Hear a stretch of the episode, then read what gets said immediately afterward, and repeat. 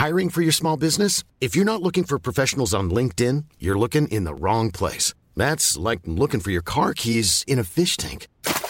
LinkedIn helps you hire professionals you can't find anywhere else, even those who aren't actively searching for a new job but might be open to the perfect role. In a given month, over 70% of LinkedIn users don't even visit other leading job sites. So start looking in the right place. With LinkedIn, you can hire professionals like a professional. Post your free job on linkedin.com slash people today. Save big money when you start your next project today at Menards. Convert your current recess lighting with energy-saving LED downlights from Fight Electric. They're bright and install easily in just minutes. They also go from regular lighting to nightlight mode with just a simple flip of a switch. Save big on all Fight lighting products now at Menards. Shop our lighting options today in store and on menards.com. Save big money at Menards.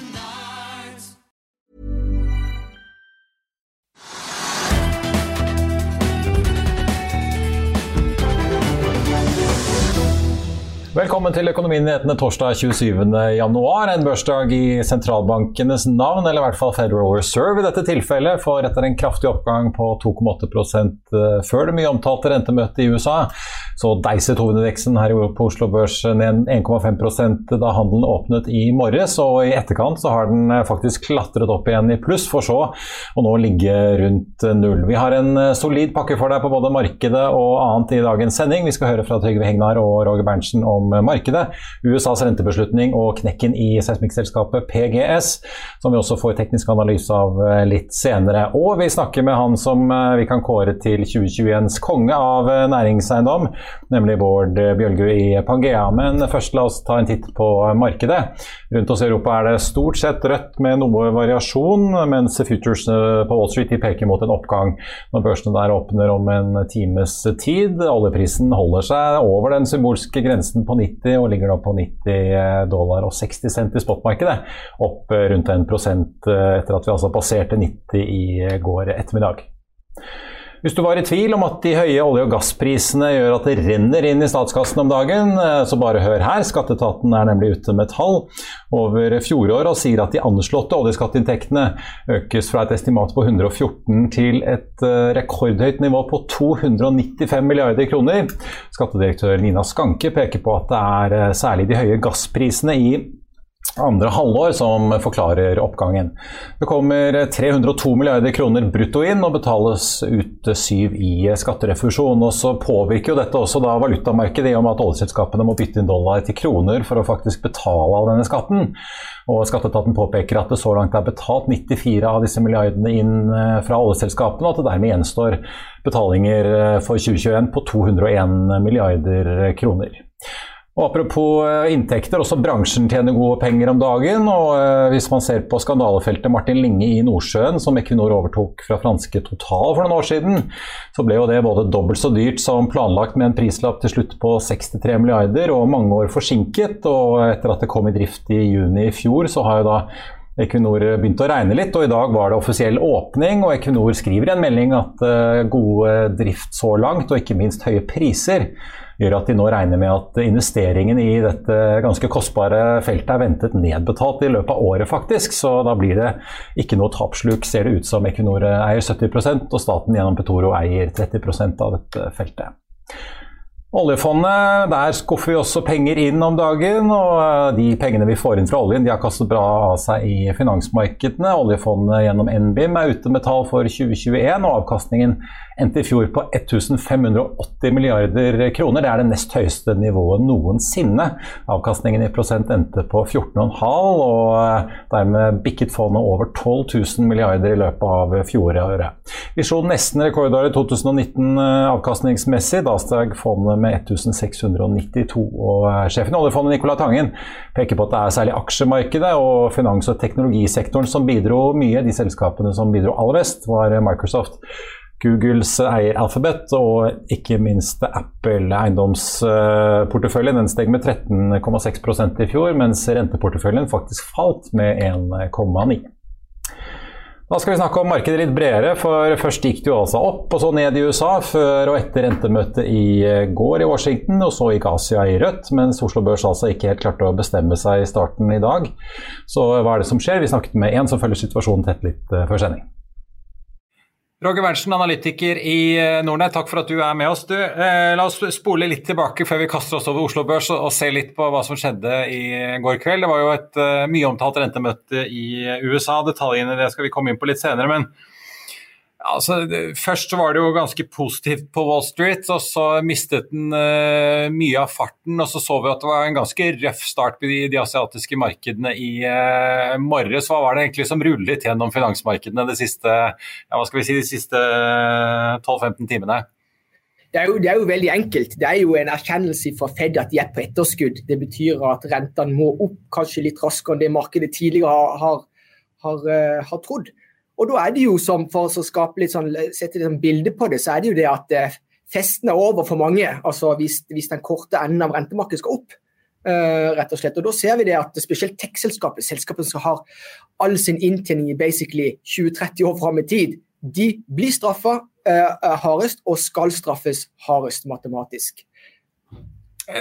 Ja, altså En av de aksjene midt oppi alt dette her, så kom jo Tesla med sine tall her på tampen av av eh, børsdagen i USA i går. Altså de, men de leverer jo altså en inntekt på 17,7 milliarder dollar, en milliard eh, mer enn ventet eh, i dollar, altså. Og, og drøye 2,5 dollar i, i, resultat per aksje. Også det bedre enn ventet. Likevel ser vi jo at den i hvert fall i etterhandelen fikk seg en liten knekk på 5-6 uh, Ganske krevende og tøffe krav som stilles til disse vekstselskapene i markedet, virker det som? Sånn det er det, bortsett fra du må huske på det at Tesla har jo kommet mye mye lenger og har blitt en mer dominerende aktør i sin bransje eller industri. Faktisk eh, kanskje allerede det, det, største varemerket innen bilindustrien nå. Det, så det betyr at de har et godt utgangspunkt. Altså Prismessig så er det jo også sånn at de prises jo på høye multipler. Det betyr at de skal ha stor inntil langt fram i tid.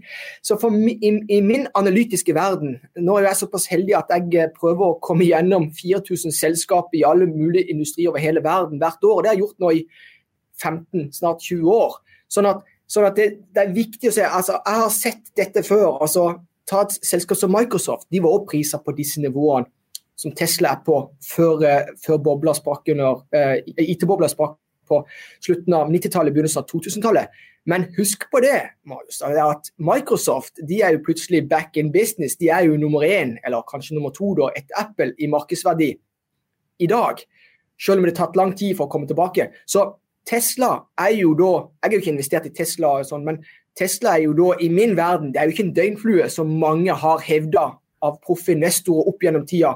Og de har jo tapt penger på vei opp så er jo spørsmålet at eh, de som er aksjonærer i dag, vil de kunne oppleve enda bedre kursoppgang fremover? Det blir veldig vanskelig, tror jeg. For det at når renta settes opp, det er som altså, Renta fungerer som, som tyngdekraften. Ikke vel? Så når renta går opp, så, så, blir det, så, blir det, tyngre rett og slett for, eh, for, for Tesla. Men om det er hele spørsmålet du må stille deg, som i alle fall som en langsiktig investor, er dette en døgnflue eller ikke, dette vekstselskapet. Og, og, det er klart at i den grønne delen av markedet, altså, og det er det jo mange av eh, på Oslo Børs, så er det jo klart at de er veldig, er veldig små selskaper som, eh, som, eh, hvor du, du, du, du vet at det er mange av de som ikke vil komme gjennom et scenario hvor rentene kommer opp i den korte enden, og, og appetitten fra investorene òg uh, uteblir.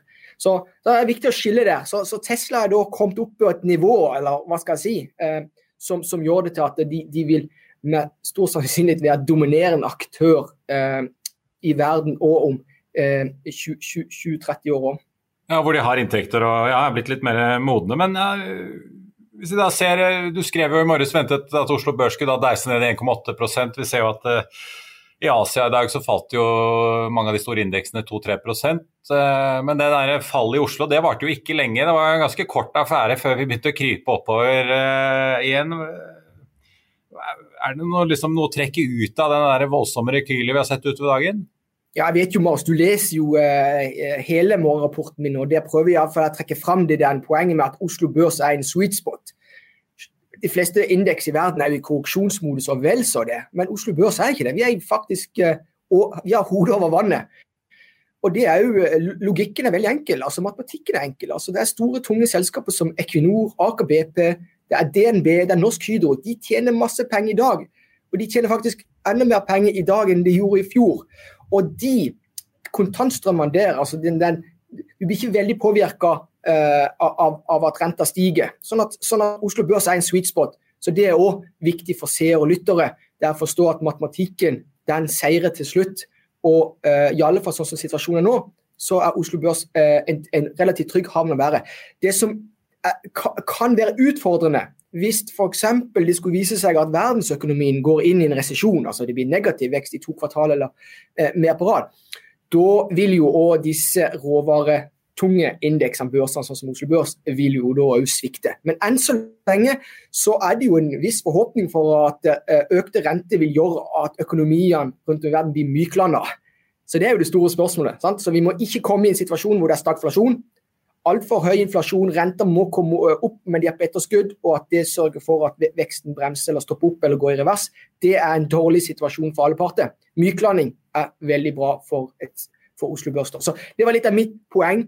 Og det er en rød tråd som jeg mest sannsynlig kommer til å forfølge gjennom, gjennom hele 2022, når jeg står opp klokka fem om morgenen for å skrive denne her morgen, morgenrapporten. Ja, du, du, holder stødig kurs på, på, den, men altså, hva er, det, hva er det som da egentlig skjer da når vi får en sånn voldsom fall? Sitter investorene og følger med på Asia og USA, og så når de plutselig går opp for dem at oljeprisen er jo tross alt 90 dollar fatet, så, så snur sentimentet i løpet av en times tid ut i børsdagene? Ja, la det være sagt. Det er jo mange forskjellige typer kunder. Vi, jo, vi har jo passert 1,6 millioner kunder i Norden, så vi begynner jo å bli en relativt bra aktør eh, innenfor, eh, innenfor, de nordiske børsene. Hvis du ser på den, den, den, den typiske nye eh, investoren, han er, han er, kanskje rundt 30 år. Han har jo mer tilbøyelig til å se over landegrensene for å finne investeringer. Mens den, den old school, som, som, vi gjerne kan kalle det, og det er jo, sant, det er jo Trygve Hegner er jo den klassen. Sant? Du vil, du vil uh, for, uh, forholde deg mest mulig til, til, selskaper rundt deg og de som er nær deg, og, og, og de kan du uh, godt fra før. Det er klart at Jeg tror jo helt åpenbart at den old school gruppa med, med, Trygve Hegner vil typisk gjøre det bedre i et sånt scenario. Men, men, de har jo ikke gjort det veldig godt de siste ti årene. Men, men nå er de i den riktige nå, nå seiler de i den riktige båten. Så, så, så, så, her må du se på hvilken type kunde det er. Men helt åpenbart over tid, Marius. altså meg og deg, vi er jo fremdeles, eh, vi er fremdeles unge. Eh, og, og, og, og, skal du virkelig dra nytte av, av utviklingen av verdensøkonomien, så, så, må du kunne litt om selskapene utenfor Norges grenser. Uh, det, det, er mitt, mitt tips. Roger Berntsen, vi, vi, får følge med om hvor høy latteren til Trygve blir på vei til banken, eller om det er disse her nykomlerne og yplingene som får den beste og siste latteren. Tusen takk skal du ha. Der får Trygve med meg i studio. Trygve, ja, det er din tid er kommet. Selskapet man kjenner til og som tjener penger i dag og som man vet hva driver med, gjør det jo bra om dagen på børsen? da? Ja, de gjør det bra. Altså De såkalte verdiaksjene gjør det bra. Men det er som du var inne på det at uh, altså, oljeprisen er, har i dag vært oppe i nesten 91 dollar per fat. Det er klart Vi har et fantastisk grunnlag i økonomien ved at vi har så høy oljepris. Vi har Equinor ikke sant, som tjener vanvittig penger på olje og gass. Vi har andre industriselskaper. Vi har staten som soper inn penger i skattepenger. 295 milliarder kroner i skatt. Pluss da det selskapene tjener å betale skatt av. Pluss da og oljefondet. Alle som jobber rundt Ja, Vi har en fantastisk situasjon. Og, og, og, så har man sett da at tech-aksjene kommer jo, og det så man jo. Altså, du kan Tesla kan godt kalles en tech-aksje for meg eller du har Amazon eller Netflix eller hva det måtte være. Det er en helt annen type selskaper. De har ikke vi i Norge kunnet se ordentlig inn i. Det har vi ikke. Vi har liksom bare lest om og hørt om, men vi kan ikke regne på det. Vi kan regne på Hydro, vi kan regne på Equinor, og vi kan regne på shippingselskapene. Ganske lett, faktisk. Så de som da på en måte holdt seg til verdiaksjene og sett da på det som virkelig er der, selger og kjøper og tjener litt penger hele tiden, de har vært fornuftige. Men man har ikke fått med seg oppgangen der i tech-aksjene. Det har man ikke fått med. Og nå kan det tenkes at det snur, det er jeg ikke sikker på. Eh, og når det gjelder Tesla, som da Roger Berntsen snakket mye om, så er det en interessant aksje. Det er ikke mange i Norge som har turt å shorte den, det er bare Jan Petter Sissener. Og vi her i studio har på en måte ikke, ikke turt å si at den var shortet, at kursen ville falle. Men det vi har sagt, er at aksjen har vært høyt priset, som mange andre. Og da er det en risiko. Altså Hvis du er veldig høyt priset 50 eller 100 ganger earnings, og hvis du har fått tilbakeslag på børsene, så du, faller du med en gang. Og Det har vært en risiko hele tiden, og det er det faktisk fortsatt, etter min mening. Og Roger Berntsen sier at det kanskje blir et av verdens mest spennende selskaper i fremtiden. Ja, det er mulig, men, så, men det er ikke en dominerende bilprodusent ennå. Det er langt derifra. Så det er, så, så, Dominerende på børs, men eh, Ja. nå begynner det å nærme seg millionproduserte biler. Men det er fortsatt bare en tiendedel av Toyota og Ja, er General Motors. bra. Da. Det liksom ja, men det begynner å komme seg. Ja, det begynner å komme seg litt bedre enn skeptikerne trodde. Men det som er det spennende på børsen nå, det er det som da kom med sentralbanken i Amerika i går. Ja, hvordan, men hvordan leser du? Altså Først så, så stiger Wall Street, så ser vi at den mister farten. Det er rødt i Asia. Oslo Børs klarer ikke helt å finne retningen. Det er jo det, er, det, er, det, er- kjempevanskelig for det første. Og for det, andre, for det andre så må man lytte til hva som blir sagt der borte. Poenget er at sentralbanken, mange hadde trodd hele verden, Over hele verden satt analytikere og meglere og investorer og lurte på liksom hva som ville skje.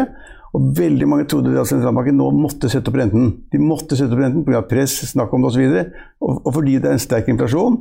Og, så, og, og kanskje for mye press i økonomien, og så skulle inflasjonen øke. ikke sant? Og det, mange trodde at Fed ville sette opp renten. Det gjorde de ikke. Og da var det mange som var i villrede sjokk da han satte ikke opp renten. Når blir det da?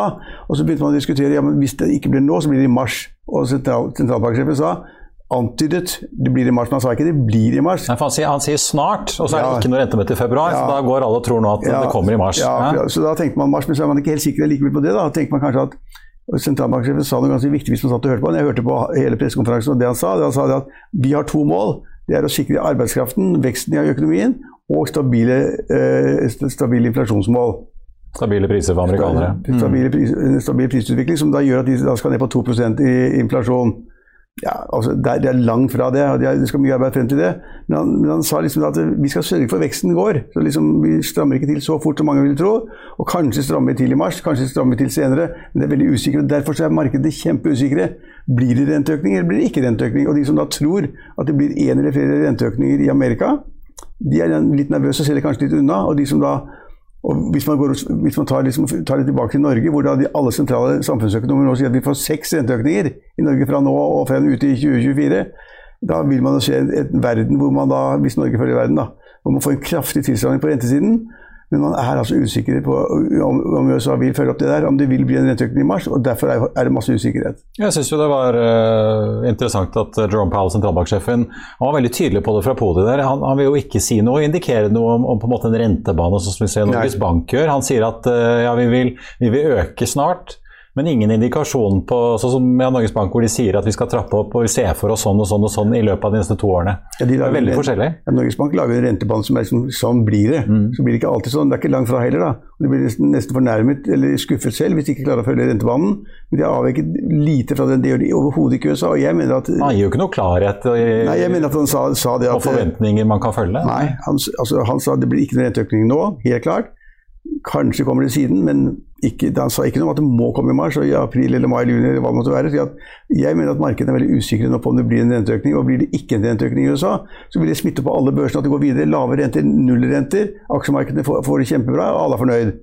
Det kan, det kan skje. sånn spredt i disse Ja, derfor, derfor svinger jo indeksene på Oslo Børs. En dag er det ned 3 en dag er, annen dag er det opp 3 Og I USA så svinger det da kanskje 1 og 2 Altså fra øh, de sentrale indeksene de skifter fra liksom pluss plus 1 til prosent, ned 1% eller, og, og Dow Jones kan være ned 800 poeng. Altså hvis du går på toalettet og kommer tilbake så er det opp 15. Altså Det er kjempeendringer. Kjempe, altså det, så det, jeg vil si at usikkerheten er jo ganske dramatisk. Og da vil det svinge mye. Da skal det ganske gode nerver for å følge med. da. Og så er eh, Powell ganske tydelig på at den inflasjonen eh, som er nå, den, han, han kalte den bred. Det var ikke noe som bare rammet noen eh, sektorer. Han, Nei, han sa at den har festet seg bredt i økonomien. Ja, så, som han sa, tre eller fire ganger den skal ned til 2 Det er vårt mål. Så han må gjøre noe for å få til det.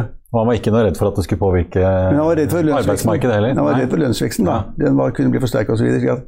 Ja, jeg- altså, for å få inflasjonsraten ned i 2% så må du gjøre ganske mye. Da må renten opp. Så da, Det taler for at renten kan bli satt opp i mars. Det er jo lenge til mars. For, Foreløpig er i, de i de glade dager i januar. Mye kan skje.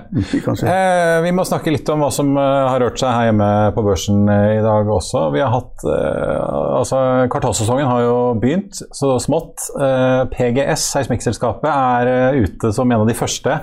Eh, selskapene som har kommet med tall, og det så ikke pent ut. Aksjen er ned eh, nesten 50 i dag. Ja, det er brutalt. Drøye to kroner. Ja, ja, nå går den mot null, da. Og den hadde jo falt mye fra før. Ja. Ja, og Poenget er at det er brutalt. For det første kom det veldig dårlige tall da de tapte halvannen milliard kroner i fjor. De tapte masse penger i fjerde kvartal. Eh, Det visste vi. Vi visste at de kom med veldig dårlige tall. Og så er spørsmålet da liksom hvordan skulle de overleve? Og det, de kan nesten ikke overleve. Altså, Utgangspunktet er jeg har advart mot PGS i over et år, halvannet år, fordi det var dårlig seismi- seismikkmarked. Så markedet de opererer i er dårlig. Så oljeselskapene bruker mindre penger enn de gjorde før i tiden. De bruker mindre penger enn mange hadde trodd de ville gjøre. Ja, Høy oljepris gjør ikke at de automatisk snur seg rundt og, Nei, det er klart, det er først nå den er bestiller seismikk. Først nå den er veldig høy. ikke sant? Tidligere, altså Hvis du går litt tilbake, bare uker eller et par måneder, så var oljeprisen såpass lav at det var ikke noen grunn til å sette i gang leting etter mer olje, fordi man hadde nok seismikk, nok bibliotek fra før. Så, og så hadde de en kjempegjeld på 8-10 milliarder kroner som de ikke kan betjene. Og så sier de nå rett ut, og det er ganske viktig at de gjør, og det måtte de ha gjort hvis de var i USA, for at vi regner ikke med å kunne betjene gjelden vår. Hva sier markedet da? Klarer du ikke å betjene gjelden din, hva gjør du da? Må du ha en emisjon? Går du konk, eller hva, hva gjør du? Så de har satt seg selv i en situasjon hvor det er veldig lite handlingsrom. Og i beste fall blir det en emisjon på en lav kurs, en emisjon på 1 krone eller 50 øre eller sånn. Å få til det når selskapet går så dårlig, det er nesten umulig. Og så vil jeg bare minne om en ganske morsom ting. at det var Så sent som i fjor så var det et selskap som heter TGS, en konkurrent, som sa at de var villig til å kjøpe seismikkbiblioteket til BGS for 600 millioner dollar, eller sånt, altså 5 milliarder kroner, eller hva det blir. Og det sa, PG, det sa PGS nei til, og styret sa det, og bankene hevdet de sa det samme. Alle sto bak PGS. Hadde de solgt det biblioteket til TGS for 600 millioner dollar, så hadde de kanskje hatt likvider til å komme gjennom krisen. Nå gjorde de ikke det, var litt, litt arrogante og sa nei til beileren. Eh, og nå sliter de da med en gjeld som de ikke kommer vekk fra. De har ingen inntjening, har kjempestore tap. Og kursen er på to kroner eller under det. Jeg tok ut noen nøk- nøkkeltall som vi kan se på skjermen eh, her nå. Altså, inntektene er ganske stabilt på drøye 200 millioner dollar. eller Resultatet fortsatt rundt minus 50-60. Gjeld på altså netto rentebærende på nesten en milliard dollar. og 162 av de, altså en eh, drøy milliard kroner av de forfaller det neste året. Så her eh, Ja, men det klarer ikke Marius. Altså, det der går jo ikke. Fordi de, de liksom, det er ikke noe håp på inntektssiden heller. De kan selvfølgelig si det at hvis oljeprisen kommer på 100 dollar på fatet, eller 120 dollar på fatet, så vil oljeselskapene sannsynligvis bruke mer penger, alt annet like, enn de gjør i dag. Men, å, begynne å satse hele fremtiden på at oljeprisen skal gå i 100 dollar eller 110 dollar på fat, det er helt håpløst. Så selskapet er forgjeldet, har ingen inntekter som de kan leve av, negativ kontantstrøm. Og markedet tror ikke på det. Og de fikk en sjanse av en konkurrent, den benyttet de ikke. Og jeg tipper at det er større sannsynlighet for at den aksjen går i null, enn at den, går i én krone.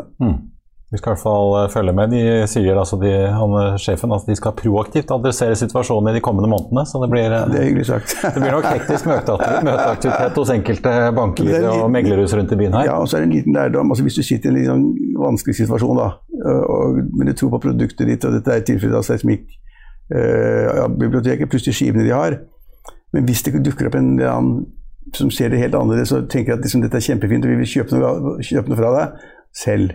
Altså, man må sikre seg i tide. Man kan ikke liksom være arrogant i et sånt marked. Man må sikre seg i det og ta de mulighetene som dukker opp. Ja. Der, så får vi se. Det har jo vært mye snakk om både rigg og seismikk og alle som lever av oljeselskapene, hvordan de klarer seg. Ja, altså, ja, ja skal, vi, kan, vi kan ikke ta det nå, men altså på riggsiden er det interessant. at, liksom, Hvis oljeprisen stiger og stiger, og stiger, så kan det jo tenkes at oljeselskapene vil bruke litt mer penger på boring etter nye, nye ting. Men, men man skal ikke vente store forandringer. Men det er altså en Og der har det vært skrapet litt uh, gamle rigger, og, og skrape også, ting har begynt å skje litt. Ja. Ja, men, men, men det skal et ganske stort løft i oljeprisen til for at selskapene begynner å bruke veldig mye, mye mer penger på leting og boring. Det- Vi er ikke der ennå. Også, i hvert fall eh, De er vel mer tilbøyelige til å bore i nabolaget sitt nær eksisterende felt enn å drive seismikk i helt nye områder. Så Ja, så får de ikke lov å lete i andre enn de nære områdene. da. I, i fremmede, langt fra får de ikke lov å lete i det hele tatt. Trygve, takk skal du ha.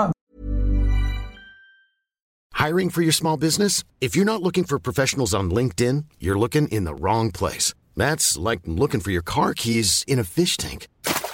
LinkedIn helps you hire professionals you can't find anywhere else, even those who aren't actively searching for a new job but might be open to the perfect role. In a given month, over 70% of LinkedIn users don't even visit other leading job sites. So start looking in the right place. With LinkedIn, you can hire professionals like a professional. Post your free job on linkedin.com/people slash people today.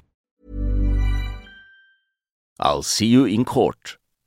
Vi sier det ofte litt på spøk, men for deg som driver business, er det aldri moro å innse at du ikke har laget en 100% gyldig kontrakt. Du bør ikke risikere hele firmaet ditt fordi du synes dette med kontrakter er litt stress. En avtale er ikke en avtale. Du kan miste kunder, miste venner, ja, til og med miste inntekter om du ikke lager en skikkelig kontrakt, på alt mulig, egentlig. Men vi vet det er et styr. Kopimaskiner, tregprinter og haugevis av papir. Dessuten stoler vi jo på folk her i landet.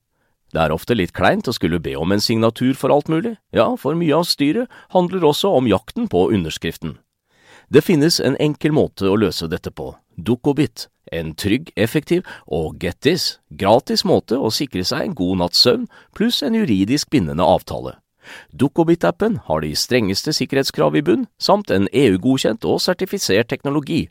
Framover vil det bli behagelig å spørre du, skal vi skrive under på det, eller? Kom i gang på dokobit.no.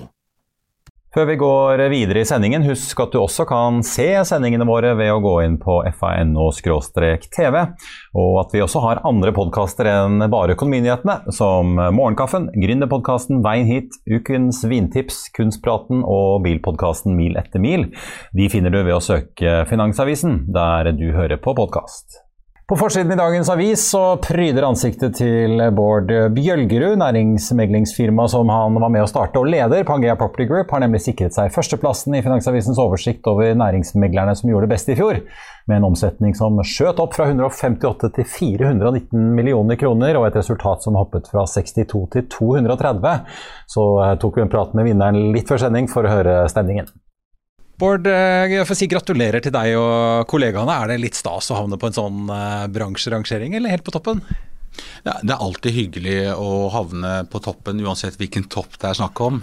Uh, det er en anerkjennelse, for så vidt, men vi, har jo kjent til gjennom året hvordan det har gått. Det har gått bra for alle, tror jeg. Markedet har vært fantastisk. vi har vært ja, sikkert litt heldige. Vi har jobbet ganske mye over lang tid med å bygge en posisjon da, i Norden.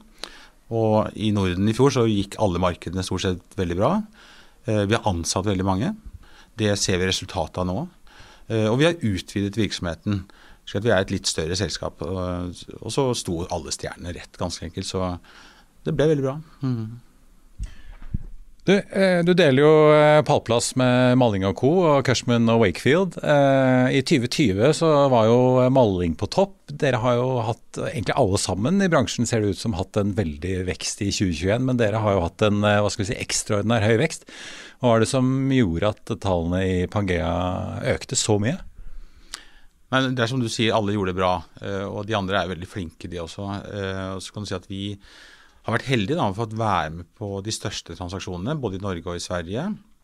Så vi, vel, vi var vel med som rådgiver i de tre største i Norge i fjor, og tre av de seks største i Norden. Eh, men det er en bredde. altså Vi har gjort over 100 transaksjoner. Året før gjorde vi drøyt 50. Eh, og de har vært store, mange av de, men, men det er mye vi kaller det i midtsjiktet også. altså Det vi kaller sånn 1-3-4 milliarder. Mer enn normalt for vårt vedkommende. Eh, pluss mye sånn melk og brød. Eh, hele organisasjonen har jobbet veldig godt. Sverige og Norge. Det, normale året for oss er typisk at én del går veldig bra, og én del går ikke så bra. Og her gikk alt bra. Uh, og vi har hatt glede av at vi er til stede i Sverige. Uh, de du nevner, som er våre konkurrenter i Norge, de er jo ikke alle til stede i Sverige, det svenske markedet, og det er det største. Mm. Ja, Apropos det.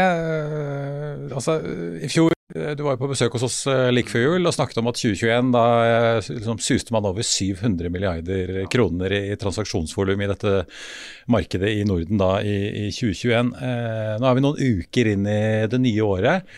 I fjor mente du at det liksom var høysesong egentlig året rundt. Eh, hvilke signaler og hva ser dere nå eh, for næringseiendomsmarkedet i 2022? Eh, kan det bli like stort? Nei, vi tror ikke det vi er litt nøkterne. Vår jobb er jo å prøve å være rådgivere. Sant? og Vi bruker mye tid og ressurser på å analysere markedet. I dag slapp vi vår outlook for dette året. Eh, vi er mer moderate enn vi har vært på lenge. Vi ser en del faremomenter eh, i rentemarkedet, i makrobildet generelt. Vi er litt redd for den utviklingen vi ser nå, at den kan påvirke markedet i hvert fall i tre til seks måneder negativt. Eh, en normal effekt av at det blir mye uro, er at Kjøpere setter seg litt på tribunen eller på gjerdet. Selgerne vil gjerne ha det samme og like godt betalt som i fjor. Og så blir det en spread mellom kjøper og selger som lager et lite vakuum en periode. Eh, og Så ser vi mer turbulens i aksjemarkedet. Eiendomssektoren er ikke noe unntak. Eh, eiendomssektoren i Norden hittil i år har falt 13-14 eh, Det skaper en del usikkerhetsmomenter. Ser vi lenger frem, ser vi liksom inn i andre halvår neste år, så tror vi at dette kommer sannsynligvis til å bli veldig bra. Men i en periode på tre til seks måneder så er vi litt sånn avventende.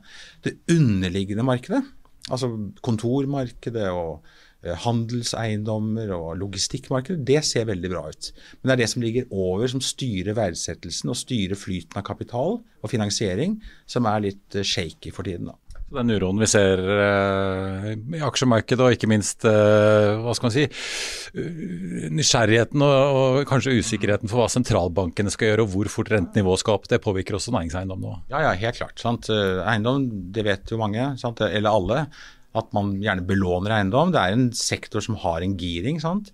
Man er følsom på avkastningskrav. Når avkastningskravene er kommet ned til nivåer under 4% for kontor og logistikk etc., så er små endringer, hvis de er vedvarende, utslagsgivende for verdsettelse. Og Det skal vi ha respekt for. Så kommer selskapene som rapporterer nå fortløpende utover, eh, de børsnoterte, eh, og en del som rapporterer som ikke er børsnoterte, til å vise veldig gode tall for fjerde kvartal. De kommer til å skrive opp verdier, både pga. inflasjons eh, på over 5% i Norge og 4% i Sverige f.eks. Gildene har gått ned gjennom fjoråret, så det slår inn i bøkene deres. Det som er situasjonen er at når vi ser fremover, så får vi en usikkerhetsperiode på tre til seks måneder. Og Det gjør nok at en del investorer venter litt, prøver å danne seg et bilde og ja, få en litt sånn overblikk over markedet. Vi vet ut ifra det webinaret vi hadde i dag med over 400 deltakere, at investorinteressen er formidabel fortsatt. Så det er bare snakk om, snakk om tid før de kliver inn i markedet og gjør disse kjøpene de ønsker. da. Ja, At den nedgangen i kursene til disse børsnoterte eiendomsselskapene er eh, at man kanskje er på en bunn nå, eller? Ikke på en bunn, for det skal man være veldig forsiktig og spå topper og bunner, for da bommer man alltid stort sett. Sant? Men at, eh, at, den sektoren kan få juling fortsatt, og så begynner selskapene å skille litt lag. Noen begynner å stige igjen fordi de er kvalitetsselskaper og de er egentlig ganske attraktive priser, mens andre fortsetter å sige. Altså, vi får et mer spenn i prisingen. Det blir ikke like euforisk som det har vært uh, siste året. Hvem er de mest solide, da? Nei, altså, vi har jo mange veldig bra selskaper. Altså, vi tar De norske så har du jo Entra, som er børsnotert sånn, som et eksempel. Ola Thon er jo klokkeren. Du har en del andre selskaper som også kommer opp som veldig interessante. Og så har du privateide selskaper sånn, som er kjempeinteressante og, og, bra. Og I Sverige så er det plenty av de. Altså Denne sektoren har blitt veldig stor. Sånn. Det er jo over 80 børsnoterte eiendomsselskaper på hovedlisten rundt i Norden. Og mest, flesteparten er jo i Sverige.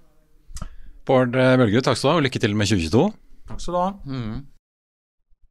Så får vi gratulere også Malling og Wakeman Cushfield, som også kom på pallplass i rangeringen. Vi skal ta med et par kvartalstall som har kommet i dag. Pareto Bank fikk i fjor et resultat etter skatt på 505 millioner kroner. Det er det beste årsresultatet i bankens historie. Styret foreslår et utbytte på 3,5 kroner per aksje, og den aksjen er opp over 5 i dag. Stolt-Nielsen, der toppsjefen, nylig har annonsert at han skal gå av og bli styreleder. Gjorde det også bedre enn 2020. Før skatt satt selskapet igjen med 43,3 millioner dollar i fjerde kvartal, mot 16,5 millioner i samme periode året før. Den aksjen er opp 3,7% Ta også med at eh, produkttankrederiet Hafnia Tankers har sendt ut noen meldinger eh, for ikke så lenge siden om at de både både kjøper tolv nye tankere fra Scorpio Tankers for 414 eh, millioner dollar, som de meldte om at de var i forhandlinger om den 20. januar. Dette skal finansieres eh, via en såkalt sale-leaseback, altså at de leier skipene tilbake. Skipene er bygget i Korea i 2015 og 2016 og kommer med skrubbere. Det har også kommet melding fra Afnia om at Eh, de nå har gjennomført kjøpet av 32 produkttankere, som de meldte om i november. Dette gjøres jo opp da ved at selgerne får 21,5% eierskap i Hafnia. Men aksjene opp 2,7 eh, nå i ettermiddag. Oppdrettsselskapet NRS er ute med tall om at de venter å øke slakten sin i år til 35 000 tonn og 50 000 tonn i 2023, ifølge en melding. Har jo brutt ut det vi kan kalle en budkamp om NRS. Det var jo aksjonæropprør i storeieren NTS, og så kom jo plutselig Jon Fredriksens Movi på banen med et bud på hele NTS. Og så har vi jo da spekulasjoner om konkurrenten SalMar kan komme et Eh, komme med et bud på NTS. Eh, Gustav Witzøe, gründeren og storeieren i eh, SalMar, var jo ute og hintet om at en fusjon mellom SalMar og NRS kunne være en bra match. Den aksjen til NRS altså er opp 3,6% Storaksjonæren NTS er ned 0,8 og så skal vi ta en titt på eh, hovedindeksen akkurat nå. Den er oppe 0,2% og dermed har vi fått en ganske god kontra fra det fallet vi så eh, litt tidligere i dag. Oljeprisen ligger eh, enda litt mer opp nå. 90,78 dollar for et fat nordsjøolje i spotmarkedet. Det er opp 1,2 siden i går, da vi altså passerte 90 dollar fatet for første gang siden 2014. Så er PGS fortsatt ned 48 i dag etter at de kom med kvartalstall og varslet eh, at de ville være i brudd med lånevilkårene sine sannsynligvis eh, utover i året. Og at det jobbes med en løsning for gjelden. Pareto Bank eh, opp 4,5 Ellers så er det Equinor som er børsens mest omsatte aksje. Den er ned 0,5 Rex Silicon på nummer to opp 8,1 i dag, faktisk. På nummer tre har vi Hydro som er opp 1 eh, Rundt oss i Europa så er det stort sett eh, grønt, med unntak av Stockholm og Helsinki, hvor det er 0,4 eh, og 0,5% ned på de store indeksene. I Finansavisen i eh, morgen kan du lese hvorfor Trygve mener den midlertidige boliglånsforskriften fra 2015 bør bort, altså den som bl.a. regulerer at du maks kan ha fem ganger inntekt i gjeld. Du kan også lese om at boligmarkedet, som jo egentlig skulle gå litt inn for landing nå, er ganske hett eh, nå i januar. Og du kan lese at eh, Bank of America har kastet blikket sitt på Kjell Inge Røkkes oljeservicekonsern Aker Solutions og eh, hva de tror om eh, den aksjen. Du kan også lese om hydrogenselskapet Nell, som snakker ned sine egne resultater overfor analytikerne i forkant av Q4-rapporten. Da er vi ved slutten av eh, denne sendingen. I morgen er det fredag, så da er vi på luften igjen klokken 13.30. I mellomtiden får du som alltid siste nytt på fa.no. Mitt navn er Marius Lorentzen. Takk for at du så på, og så håper jeg vi ses igjen i morgen.